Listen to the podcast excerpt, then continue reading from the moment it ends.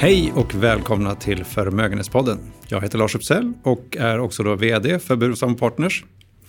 Idag ska vi prata om innovation och hur innovation framförallt då kan hjälpa till i flyktingsammanhang. Och med mig för att prata om det har jag Åsa Videll från eh, Sverige för UNHCR. Välkommen Åsa. Tack. Du, hur länge har du jobbat för UNHCR? Eh, I två och ett halvt år ungefär har jag jobbat här. Och vilken bakgrund har du innan det då? Jag är egentligen journalist och har jobbat inom media hela min karriär. Och jag har haft ett antal chefspositioner. Jag har varit redaktionschef på Dagens Industri och på Dagens Nyheter. Och senast VD för nyhetsbolaget som producerade alla, alla nyheter och samhällsprogram för TV4. Aha. Och det låter som ett lappkast att hoppa till eh, Sverige för UNHCR. Vad, vad var det som gjorde att du gjorde det skiftet? Jag tyckte det var dags att göra något nytt och lära mig något nytt.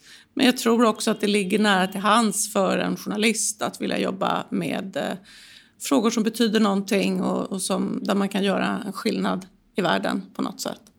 Ska vi prata lite om UNHCR, vad det är för någonting? Jag vet att det grundades, liksom starten blev 1950 eller någonting sånt där va? Mm. Vad är er uppgift?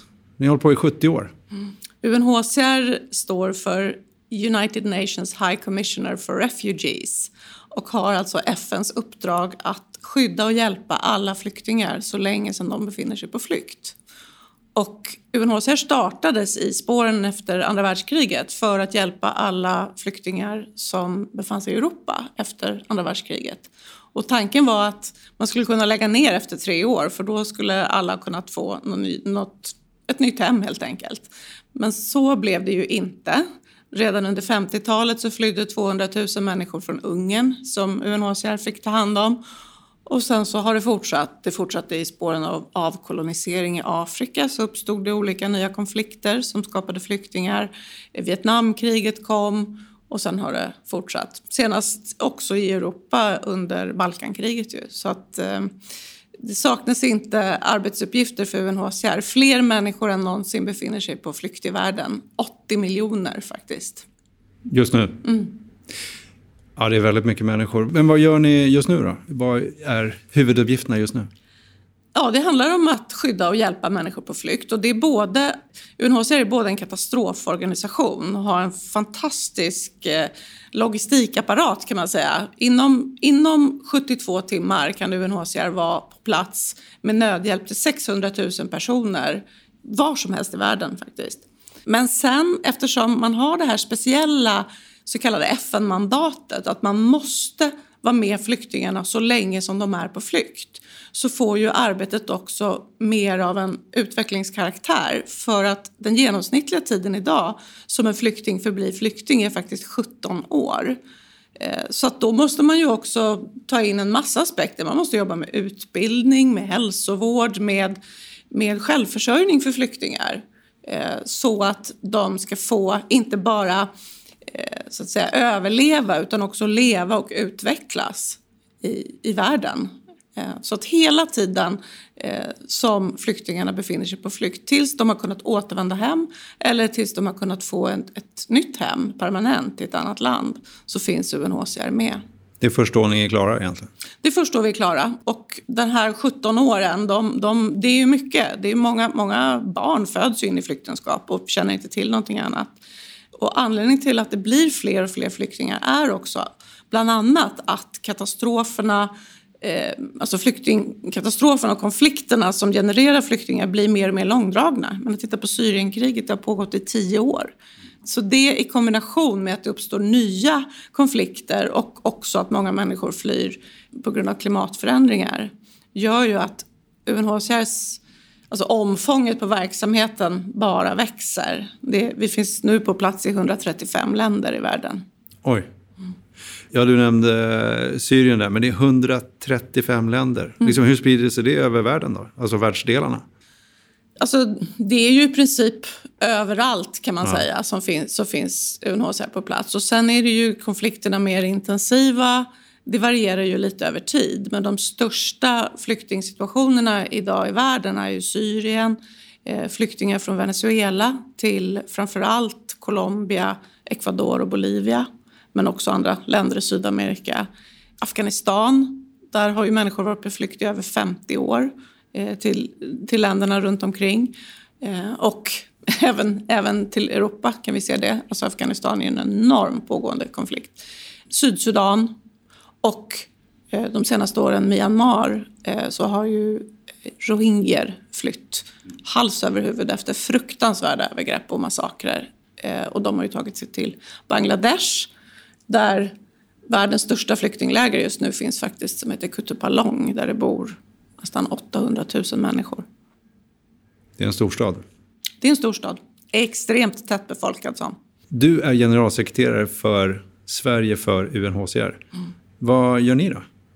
Vi är insamlingspartner i Sverige till FNs flyktingorgan. Vi är en svensk stiftelse som arbetar med att samla in så mycket pengar vi bara kan från, eh, från privat sektor. Från allmänhet och från företag och från filantroper och stiftelser och så.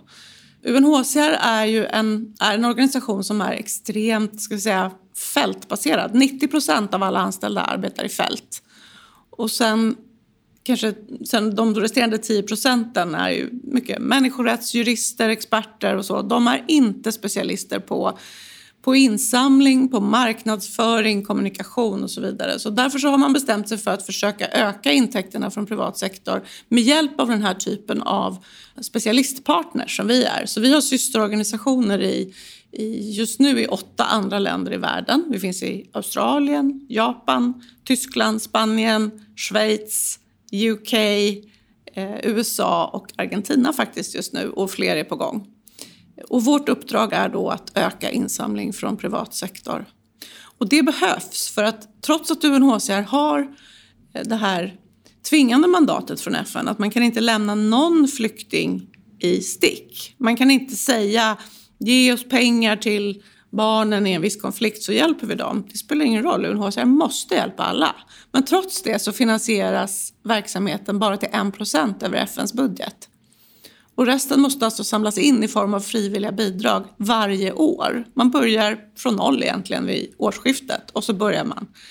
Och de största delarna av bidragen kommer från stater. Men det är också lite osäkert med tanke på politiska förändringar som kan ske. Och det är också frivilligt. Det är många FN-stater som inte bidrar till UNHCR. Eh, och också då från privat sektor. Och där ser UNHCR ett starkt behov av att öka insamlingen just för att behoven eh, bland människor på flykt bara ökar hela tiden. Vi kommer tillbaka till hur man kan bidra på olika sätt eh, i slutet av podden. Men du nämnde det här med fält. Du har själv besökt fält, berättar du. Var, var har du varit någonstans? Ja, jag hann med ett par fältresor innan pandemin slog till. Eh, jag var, först besökte jag Jordanien och sedan var jag i Uganda också. Mm. Uganda har en öppen door-policy. Kan du inte berätta mer om eh, vad det innebär? Ja, det betyder att Ugandas gränser är öppna för människor som flyr och har varit under en lång tid. Det är som ett viktigt politiskt ställningstagande. Trots att Uganda är ett av världens fattigaste länder så har de blivit ett av topp fem länder som tar emot flyktingar i världen. Det finns ungefär en och en halv miljon flyktingar i Uganda och de har, de har samma rättigheter nästan som medborgarna. De, får, de, kan, de har rätt till utbildning, de får arbeta för att försörja sig själva och så vidare. Och de lever också inte oftast inte i traditionella flyktingläger utan man satsar på, man kallar det för flyktingbosättningar och där lever flyktingarna sida vid sida med lokalbefolkningen och bygger samma typ av, av hus som lokalbefolkningen och de lever tillsammans. Bra integration låter det som. Ja, det kan man säga.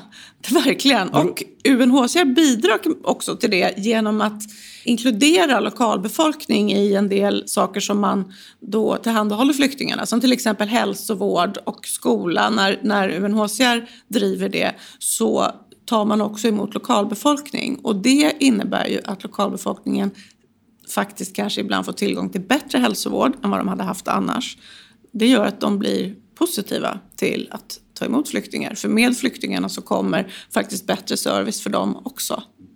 Och det är nödvändigt, för just för att Uganda är ett sånt fattigt land så, så måste ju UNHCR stötta kraftigt. Men när du har varit i fält nu då, vad, vad är det som har gjort starkast intryck på dig? Ja, det, det är mycket. Det, jag är så imponerad av UNHCRs verksamhet. Hur man med knappa resurser eh, klarar av att hjälpa så många människor och på ett värdigt sätt. Man, ge, man, man också arbetar inkluderande så att ofta så tar man, man, man, flyktingarna kommer med för att lösa problem som uppstår i situationerna. Det är inte det är inte så mycket ovanifrån perspektiv utan det är väldigt inkluderande humanistiskt perspektiv som jag är imponerad av, verkligen. Och hur man jobbar med smarta lösningar för att få resurserna att räcka. För eftersom det ständigt är, ständigt är brist på resurser så är det klart att kvaliteten skulle bli bättre om vi hade mer pengar. Men i viss utsträckning är det också så att det driver innovation och smarta lösningar. Och det kan man se exempel på. Sen så är det klart möten med människor som, som har varit med om saker som, som vi aldrig kan föreställa oss. Ehm, och alltså, flyktingar är ju till stor del människor som har klarat saker som vi bara kan drömma om. Eh, mardrömma om kan man säga. Och de har gått vidare, de har rest sig och gått vidare och de har klarat det. Det finns en enorm kraft. Men jag träffade till exempel en, en tonårsflicka från Sydsudan i norra Uganda som hade flytt ensam, hade bevittnat övergrepp på sin familj och som hade flytt ensam och som nu bodde mer eller mindre på nåder hos en annan flyktingfamilj och hon, de ville inte, hon sa att de ville egentligen inte ha henne där. Hon, hon, var så, hon kände så ensam. Det var otroligt berörande. Eller mannen i en syrisk familj i Jordanien som, som hade varit lärare och som var nu så bekymrad för att han kunde inte ge, han hade inte råd att ge sina barn en, en bra utbildning. Och han berättade hur han hade ringt sin bror i Syrien vilket hade resulterat i att brodern hade blivit gripen och försvunnit. Förmodligen var han död nu bara för att han hade talat med någon som hade flytt på telefon. Så nu kunde den här familjen inte ha någon kontakt med sin släkt i Syrien. De visste inte om de levde eller var döda för de visste att om de ringde dem så skulle det kunna vara en dödsdom. Det, det, det är ju väldigt gripande. Ja, jag förstår det. Mm. Men nu, vi har väl alla, även om vi inte har varit i fält eh, och sett flyktingförläggningar live, så har vi väl sett dem i, eh, på nyheter och så vidare. Och det är uppenbart att ni hjälper till med tält och, och filtar, eh, sovplatser liksom, och mat.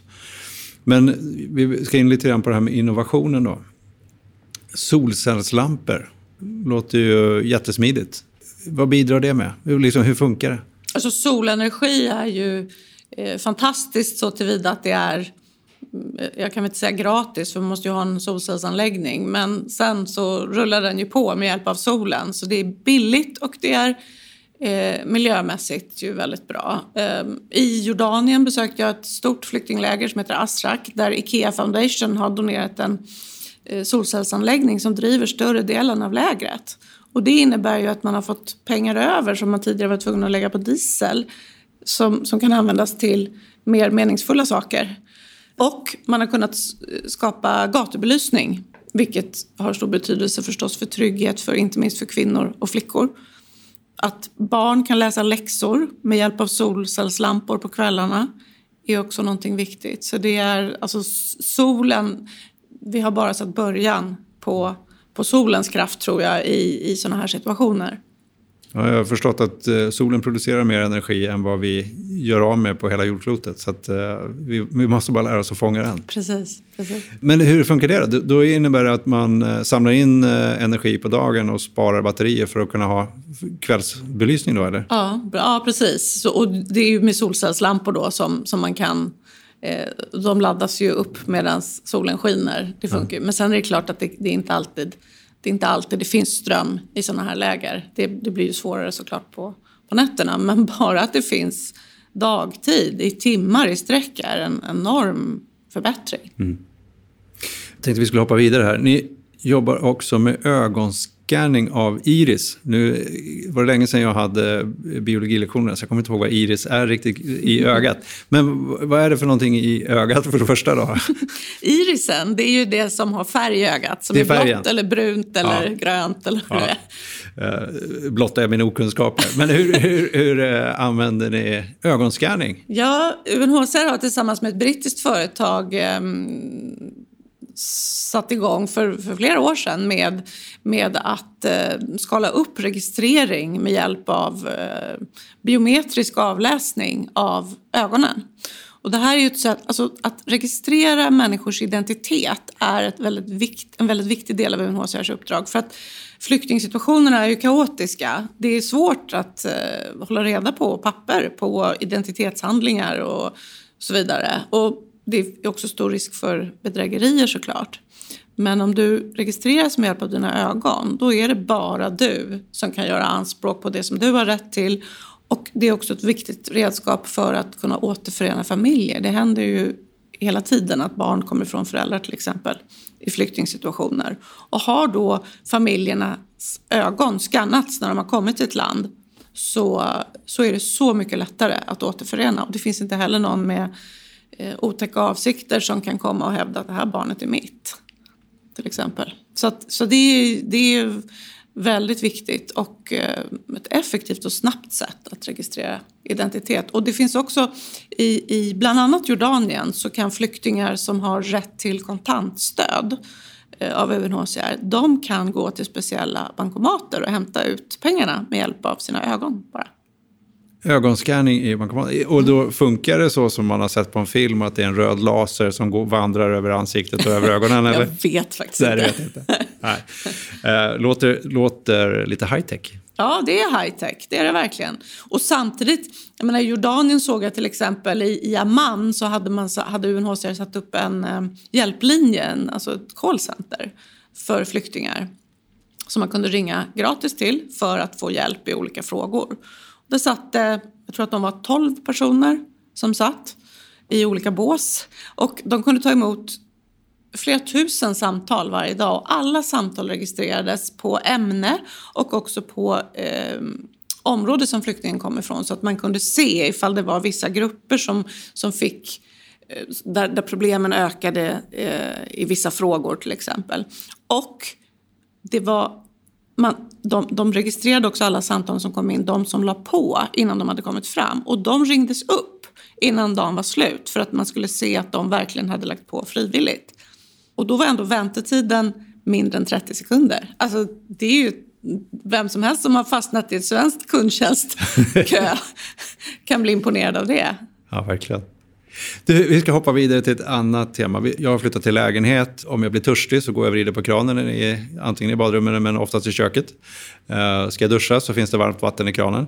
Men så där blir det problem med vatten är inte lika tillgängligt uh, ute i världen. Men ni har, liksom, med en svensk uppfinning vad jag förstår så har ni fått tillgång till både rent vatten och varmvatten.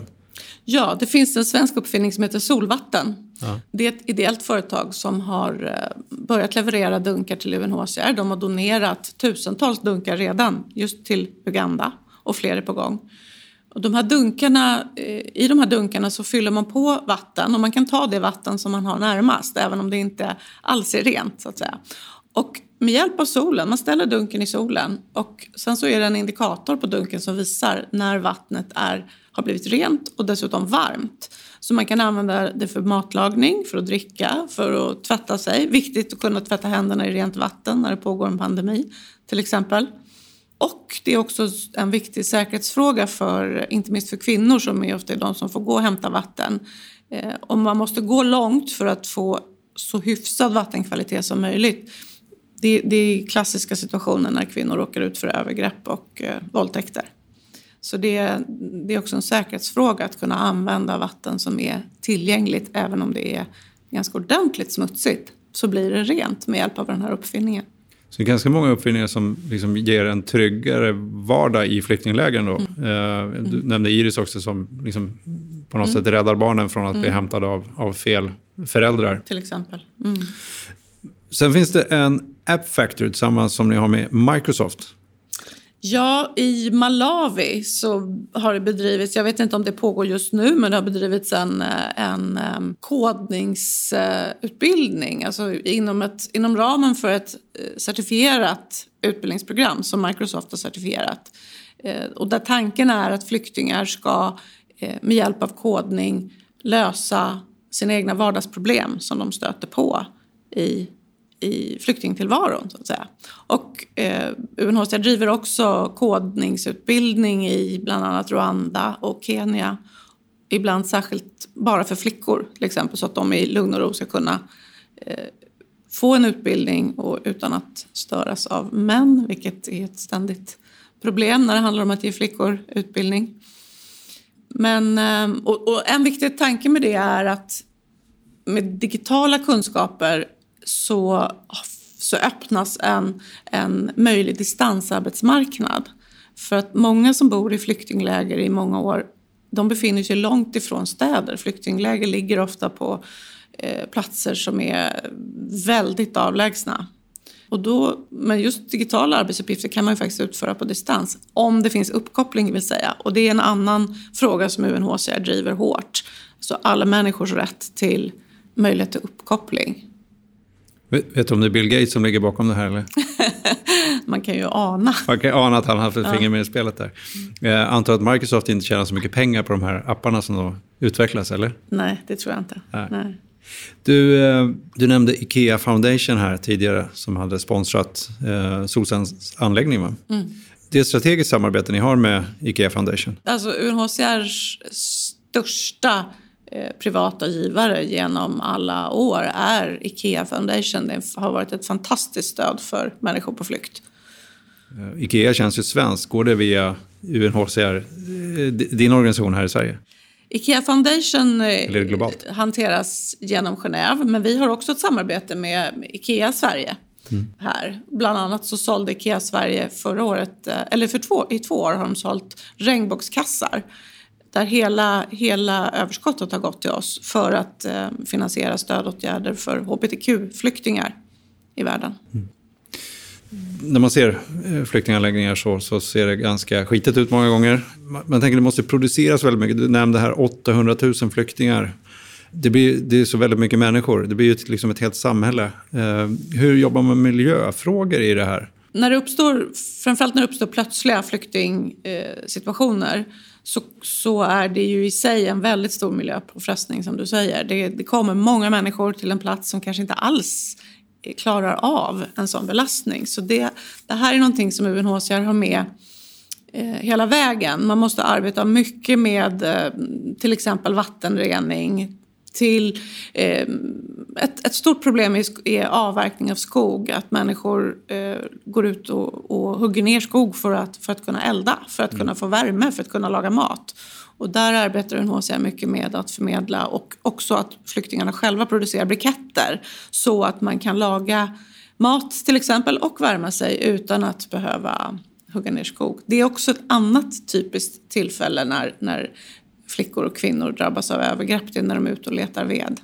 Mm. Så, det, så ja, miljöaspekten är enormt viktig och inte minst arbetar man eh, väldigt medvetet med återplantering av träd. För, för det är ju så att eh, de allra flesta flyktingsituationer är i länder som redan är hårt drabbade av klimatförändringar. Alltså, och det, fin det, finns en sån brist på resurser i de här länderna. 85 procent av alla flyktingar befinner sig i länder som har brist på mat till exempel. Där, länder som inte kan, som är, så, där, där, den egna befolkningen är, om inte undernärd så i alla fall ofta hungrig. Mm. Ni har ju då utnyttjat innovation och ny teknik eh, på flera olika sätt här som du berättar om. Hur kommer de till er? Alltså, kommer företagen till er eller har ni en UNHCR, liksom en avdelning som jobbar med att leta upp de här? Eller hur, hur fungerar det? Ja, det är ju en kombination. Mm. Eh, det är det absolut. Ehm, vi, det finns en innovationsenhet inom UNHCR som arbetar med att utveckla egna lösningar på, på problem, så att säga. Ehm, och som också skannar världen och tar emot eh, och har kontakt med med eh, uppfinnare och företag som, som vill bidra. Bara en sån spännande grej tycker jag som, som innovationsenheten har gjort det senaste året. Ja, man fokuserat mycket på hur man bättre ska kunna förutsäga hur klimatförändringar påverkar flyktingströmmar. Och då har man byggt en sökmotor som heter Jetson mm. som med hjälp av bland annat meteorologiska observationer men också andra data som till exempel vilka länder som uppfattas som eller platser som uppfattas som stabila och trygga. Och där, på det sättet så har man kunnat förutse så kan man förutse hur nya flyktingvågor kan uppstå från Somalia. Det här handlar om den somaliska situationen. Man kan till exempel se hur vädret i västra Australien är en indikator där man kan förutspå hur, det kommer, eh, hur vädret kommer bli i Somalia, om det kommer bli torka, om människor kommer tvingas flytta på sig. Och det blir ofta så att när man flyttar på sig då så ja, då, då, då kommer människor in i andra territorier där de kanske inte är välkomna. Det uppstår konflikter, det blir krig, de måste fly från det och så vidare. Och platser då runt omkring, i länderna runt omkring som man ser uppfattas som trygga och stabila, då kan man förutse att det är dit människor kommer ta sig. Och då kan UNHCR vara mer proaktiva och förberedda när någonting händer. Vilka är de främsta behoven ni ser idag då? När det gäller, är, det, är det naturkatastrofer eller är det krigsdrabbade områden? Eller? Alltså de, allra, de, de flesta konflikterna Alltså de, eller de flesta flyktingsituationerna har ju sin grund i konflikter, absolut. Om vi kunde, och, och egentligen några få stora, kunde omvärlden lösa, kunde FN lösa Eh, konflikten i Syrien? Ehm, kunde man förbättra situationen eh, i samband, som, som hänger ihop med Venezuela? Så skulle, eller, eller om Afghanistan kunde bli tryggare så att säga, så skulle ju vi ha mycket färre människor på flykt i världen. Ehm, men, så, så det är absolut konflikter eh, som, som orsakar flyktingströmmar. Men man kan ju se framåt att, att konflikterna i sig kommer att genereras mycket också på grund av klimatförändringar. När det blir brist på mat på grund av torka eller översvämningar så börjar folk flytta på sig, det blir konflikter. Ehm, och det blir alltså man, får, man slåss, kommer slåss om, om ehm, minskande resurser helt enkelt. Det finns, FN räknar med att eh, år 2050 kommer ungefär 250 miljoner människor har tvingats på flykt på grund av klimatet. Och då har vi idag 80 miljoner på flykt som, som resurserna inte räcker för att ta hand om riktigt. Så det är, perspektiven är eh, de förskräcker, får man säga. Så ni behöver ekonomiskt stöd nu och mycket mer innovation även framåt då, för att lösa Verkligen. Eh, med små resurser. Verkligen. Men det, om vi tar coronapandemin. Både du och jag har säkert tvättat händerna ett antal gånger redan nu idag. Eh, och då är klockan bara tio. Jag har använt munskydd idag. Världen har liksom förändrats. Men hur har det förändrats i säga, UNHCRs värld, flyktingvärlden? Ja, alltså pandemin har ju påverkat UNHCRs arbete enormt under året som har gått förstås. Och det har gällt att till varje pris undvika att viruset får fäste i trångbodda flyktingläger. För de är trångbodda som världens mest trångbodda städer är ingenting i jämförelse med hur det kan vara i flyktingläger. Och det har handlat om prevention, det har handlat om så konkreta saker som att dela ut 47 miljoner tvålar, 33 miljoner munskydd. Eh, och det har lyckats. Vi har inte sett någon sån stor Eh, spridningssituation faktiskt i, ett flykting, i något flyktingläger. Samtidigt ska man komma ihåg att för människor på flykt så har, eh, har kanske den största konsekvensen varit fattigdom. För viruspandemin har ju blivit en fattigdomspandemi i stora delar av världen. När gränser stängs, matpriser rusar i höjden ehm, så, så eh, blir människor fattiga. Och många flyktingar det, det, är ju ganska givet att de flesta flyktingar har inte några besparingar att ta av. Utan de försörjer sig och försöker försörja sig genom... De, de, de lever ur hand i mun. De kanske säljer en liten maträtt på gatan eller någonting. När, när de då drabbas av lockdown och inte får gå ut, då, men då har de ingenting att äta. Så, så enkelt är det. Så att, så att um, det har drabbat människor på flykt väldigt hårt. Man kan se att, att våldet mot kvinnor har ökat väldigt mycket under det här året. Till exempel kvinnor på flykt från Venezuela i Colombia, där har våldet ökat med 40 procent mot dem. Så UNHCR har arbetat mycket, både för att, för att hjälpa i lockdown-situationerna har man arbetat mycket med att skala upp kontantstöd till flyktingar, men också med att, att försöka tillhandahålla ja, säkra platser för kvinnor och flickor till exempel. Och också viktigt har varit att försöka hålla igång eh, någon typ av undervisning för barn. För det är klart att när skolorna stängs och man bedriver distansundervisning då blir det svårt om man inte har en dator. Eller ens el så att man kan vara uppkopplad. Ehm, men, och det har UNHCR arbetat med och lyckats tillhandahålla distansundervisning för någonstans 800-900 000 eh, flyktingbarn. Vilket är bra, verkligen. Men det, man varnar också för att det är många flickor som, har, som halkar efter nu och familjerna tvingas lösa sin fattigdom genom att lyfta, gifta bort flickor i alldeles för tidiga äktenskap. Så det är stor risk att när skolorna kan öppna igen så är det mycket färre flickor som kommer komma tillbaka än pojkar. Det är berörande att höra allting, men jag tänkte att vi skulle gå vidare här och, och runda av podden och vi ska komma in på hur man, hur lyssnare nu och eh, hur vi kan stötta och hjälpa. Du var inne på det tidigare, ni, behöver, ni har en väldigt liten del av FNs budget. Det finns vissa länder som hjälper till, men det mesta, vad jag förstår, är från privata sektorn? Och Nej, det mesta företag. är faktiskt från stater. Det, mesta är från stater? Eh, men, vi behöv, men det är så här att när, när året är slut, så, eftersom man samlar in löpande, så att säga, mm. när året är slut så, så brukar UNHCR ha fått in ungefär hälften av det man behövde, behövde, bedömde behövdes. Så finansieringsgapet är enormt och man ser inte kanske potentialen att stater kommer kunna skänka mycket mer utan hävstången är i privat sektor. Just det, så det borde vara den största delen? Ja, eller i alla fall halva delen kanske. halva delen. Ja. Vi ska se vad vi kan få till här då. Men hur kan man som privatperson eller entreprenör, företagare hjälpa till? Oh, det finns så många sätt. Ja.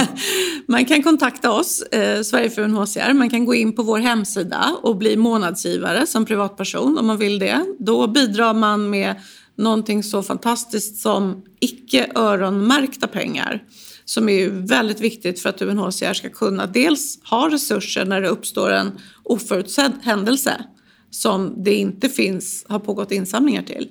Eh, men också för att stötta långvariga flyktingsituationer som för länge sedan har fallit bort ur medias strålkastarljus. Menar, situationen i, för, för flyktingar från Centralafrikanska republiken till exempel, den är ju finansierad till kanske 14-15 procent.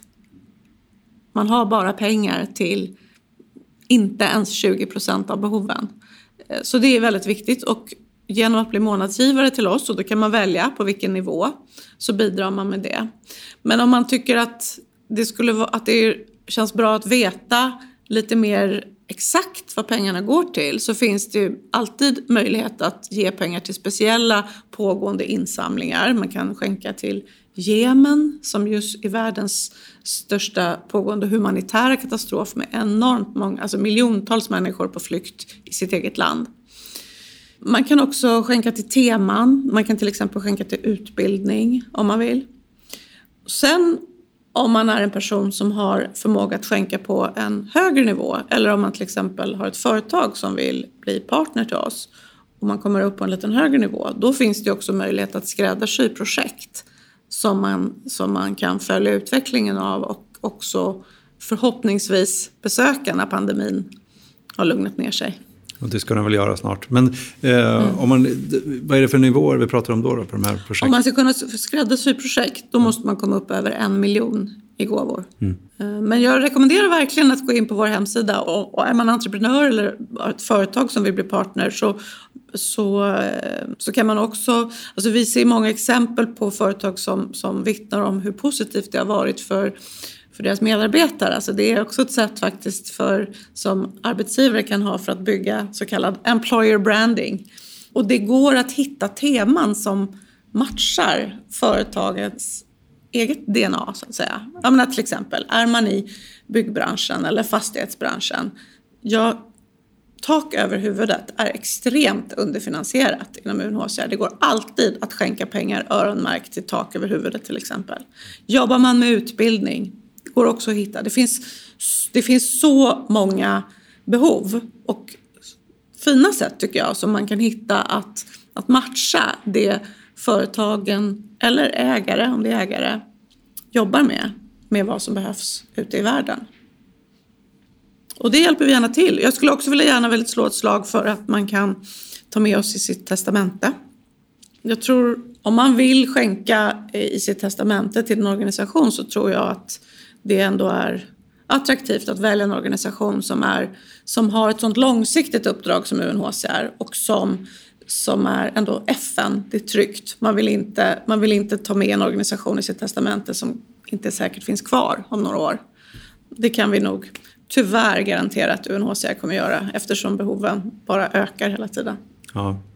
Är det någonting man ska tänka på? Jag vet att jag i något annat sammanhang diskuterade just när man skänker pengar via testamente. Att man, det är viktigt att man inte skriver det för smalt så att det blir svårt att eh, ja, leva upp till det testamentet. Då. Ja, naturligtvis så, så precis. Att formulera, men, men man bör ju ta professionell hjälp kanske när man skriver testamente överhuvudtaget eller om man vill lägga till någonting till sitt testamente. Eh, men, men eh, kan, man kan ju lätt lösa det genom en bred formulering att pengarna ska gå till UNHCR, ja. UNHCRs verksamhet. Ni gör ett viktigt jobb och nu kan vi lyssnare göra ett viktigt jobb och bidra lite grann. Månadssparande eller tänka till på det. Men framförallt gå in på er hemsida och jag ska också säga att vi kan eh, förmedla hjälp. Att om man vill skriva testamentet till exempel så har vi juridisk hjälp som man kan få genom oss. Vi brukar hjälpa våra kunder med det också. Jag gissade men, det. Men, vi hjälper det. det. Eh, det får bli slutorden för idag. Stort tack till dig Åsa för att du kom hit och delade eh, det viktiga jobb ni gör med oss. Och stort tack till er lyssnare för att ni har varit med och lyssnat. Och på återhörande längre fram.